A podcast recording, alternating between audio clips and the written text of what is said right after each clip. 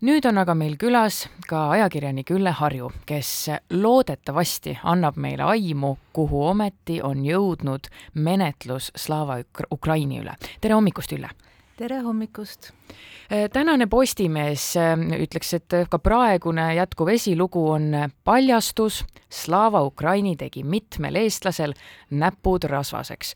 kui ma selle looga üldse tutvunud veel ei ole, siis tahaks muidugi öelda, et noh, kas see on nüüd üllatus, aga ma saan aru, et, et siin loos on ikkagi päris palju uut infot ka. äkki räägid, Ülle, natuke täpsemalt?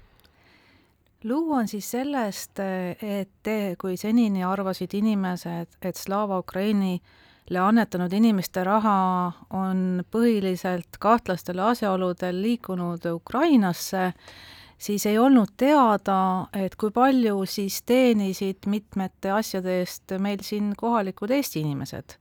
kaasa arvatud ei olnud ju teada, palju Johanna-Maria Lehtme palka sai, paljud mingid asjad maksid ja nüüd on äh, kõik need asjad meil siin luubi alla võetud äh, ja läbi analüüsitud. Ja sellega seoses tekkisid ka mitmed küsimused, et eelkõige seetõttu, et mõned teenused tundusid üle mõistuse kallid.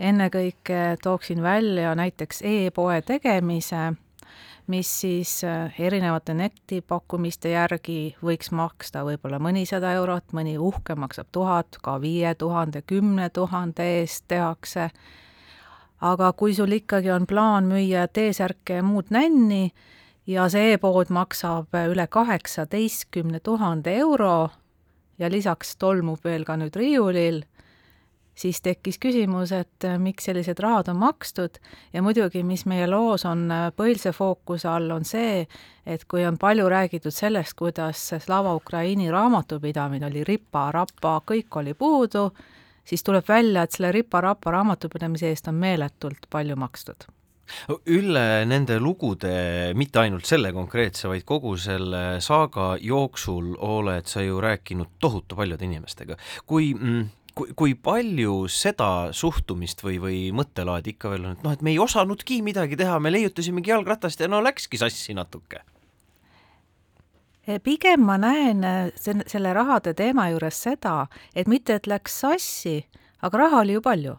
raha on palju, miks mitte siis teha uhkeid asju, miks mitte maksta palju raha miks võt-, miks mitte võtta kõige kallimad võimalused? et võib, et siis Raha võibki, jaa, et siis võibki vaadata seda kõige ülemise riiuli lahendust, et eh, seda kõige kallimat konjakipudelit. just, et on tunda sellist mõtteviisi mm -hmm. ja, ja mitte seda, et teised inimesed on annetanud kümne euro kaupa, et aidata ukrainlasi Google eh, häid vastuseid ei anna, aga Ülle ajakirjanikuna äkki oskad välja aidata, et kus maal siis see menetlus tänaseks on, me teame seda, et Eesti alustas Slava Ukraini suhtes menetluse, siis äh, Ukrainaga nüüd on üritatud ju koostööd pikemat aega teha, et mille taga see seisab? see asi seisis senini selle taga, et meie uurijad ootasid äh, infot Ukrainast ja just, just selle aasta alguses äh, see info ka laekus. ja prokuratuur on selle info kätte saanud ja nüüd töötleb seda et ma usun, et üsna pea on oodata vastuseid ka selle kohta, kas kellelegi esitatakse Slava Ukraini rahade asjus kahtlustus. et asi on edasi liikunud ja just hiljuti. ja Johanna-Maria Lehtme on ju ise kadunud kui tina tuhka vist? ta ei ole enam kadunud kui tina tuhka, me teame, kus ta on, et seoses selle uurimusega tuli välja, et Johanna-Maria on kenasti oma abikaasa juures Kiievis no e-poest me rääkisime, aga ma ei tea, kui neid äh, andmeid veel vaadata, et, et kas, kas veel äh, hakkas silma mõni arve või, või töö, mille eest tasuti, mis võtab kukalt kratsima? no ikkagi see raamatupidamine, et oli kohe aimata, et eks nad ütlevad, et seal oli ju tohutu palju annetusi, igaüks kümne euro kaupa, et oligi palju tööd ja seda ka oligi. ja seetõttu me ei võrrelnud seda hinda tavalise MTÜ raamatupidamisega, mis võib-olla on seal heal juhul sada eurot kuus, vaid võrdlesime äh, sarnase MTÜ-ga, mis on Kingitud Elu mm, -hmm vähiravifond, kuhu samuti annetatakse pisisummade kaupa ja samuti on miljonid eurod aastas ja vaatasime, palju neil maksis näiteks aastaaruande tegemine, palju maksis raamatupidamine ja võrreldes Kingitud eluga oli ikkagi see Slava Ukraini raamatupidamine ikka kordades kallim. see seal varieerus kuude kaupa, aga oli näiteks neli korda kallim mõnel hetkel loen ühte alapealkirja ka sellest tänasest Postimehe loost, et Lehtme ise ei saanudki Slava Ukraini MTÜ-s kõige suuremat palka, kes siis sai? kõige suuremat palka ta tõesti ei saanud ja siin on ka avaldatud imestust, et ta oli suisa loobunud suuremast palgast ja suuremat palka ta ise väidetavalt siis pakkus juhatuse liikmele. Miks ja mille eest, seda meile ei öeldud, aga fakt on, et teine inimene sai Lehtmest küll mitte kaks korda rohkem, aga no sinnakanti. kas ajakirjanikuna, no midagi ei ole teha, oleme ju ka koos töötanud ja, ja loen seda lugu, see on võimekas lugu, kas sellist hirmu ei ole, et, et noh, meedia on ju nüüd kirjutanud Lehtmest küll ja veel, Slava Ukrainist endast ka, et ühel hetkel ootab postkastides lihtsalt üks hagi, sellepärast et ma saan aru, et Lehtme endaga ei ole ju tegelikult väga pikalt üldse noh, keegi pole kontakti temaga saanudki. et see on ikkagi ju ütleme, väga kaalukas info, mis on välja tulnud, kas seda hirmu kuidagi ei ole siin?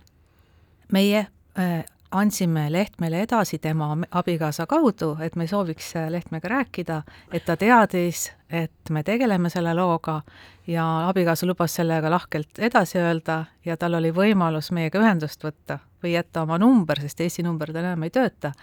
aga ta valis selle, et ta praegu ei kommenteerinud ja, ja mida ütleb äh, sinu kui ajakirjaniku sisetunne, et äh, kas see üldse jõuab, kas Slava Ukraini see kogu intriig, draama, menetlus, kas see jõuab üldse mingisuguse finišini või, või pigem üldse ei jõuagi lõpuks? kindlasti ta jõuab mingisuguse finišini ja nagu erinevatest väljaütlemistest kumab, tõenäoliselt äh, keskendub kogu see uurimine ikkagi selle Ukraina firma IC Constructionsi arvetele ja mitte siin Eestis toimunule. et asjad võisid olla küll väga krõbeda hinnaga, aga nad on ju tehtud, midagi on toimunud ja noh, üldiselt on teada, et noh, asjade hind võib olla selline või teistsugune, aga see ei ole kriminaalne samal ajal äh, püüab ju MTÜ äh, ikkagi äh, edasi tegutseda, uue lehekülje pööranud, kas tänased töötajad on nii-öelda abivalmid ja, ja aitavad nende lugude valmimise juures? just, tänu nendele tegelikult see lugu valmiski.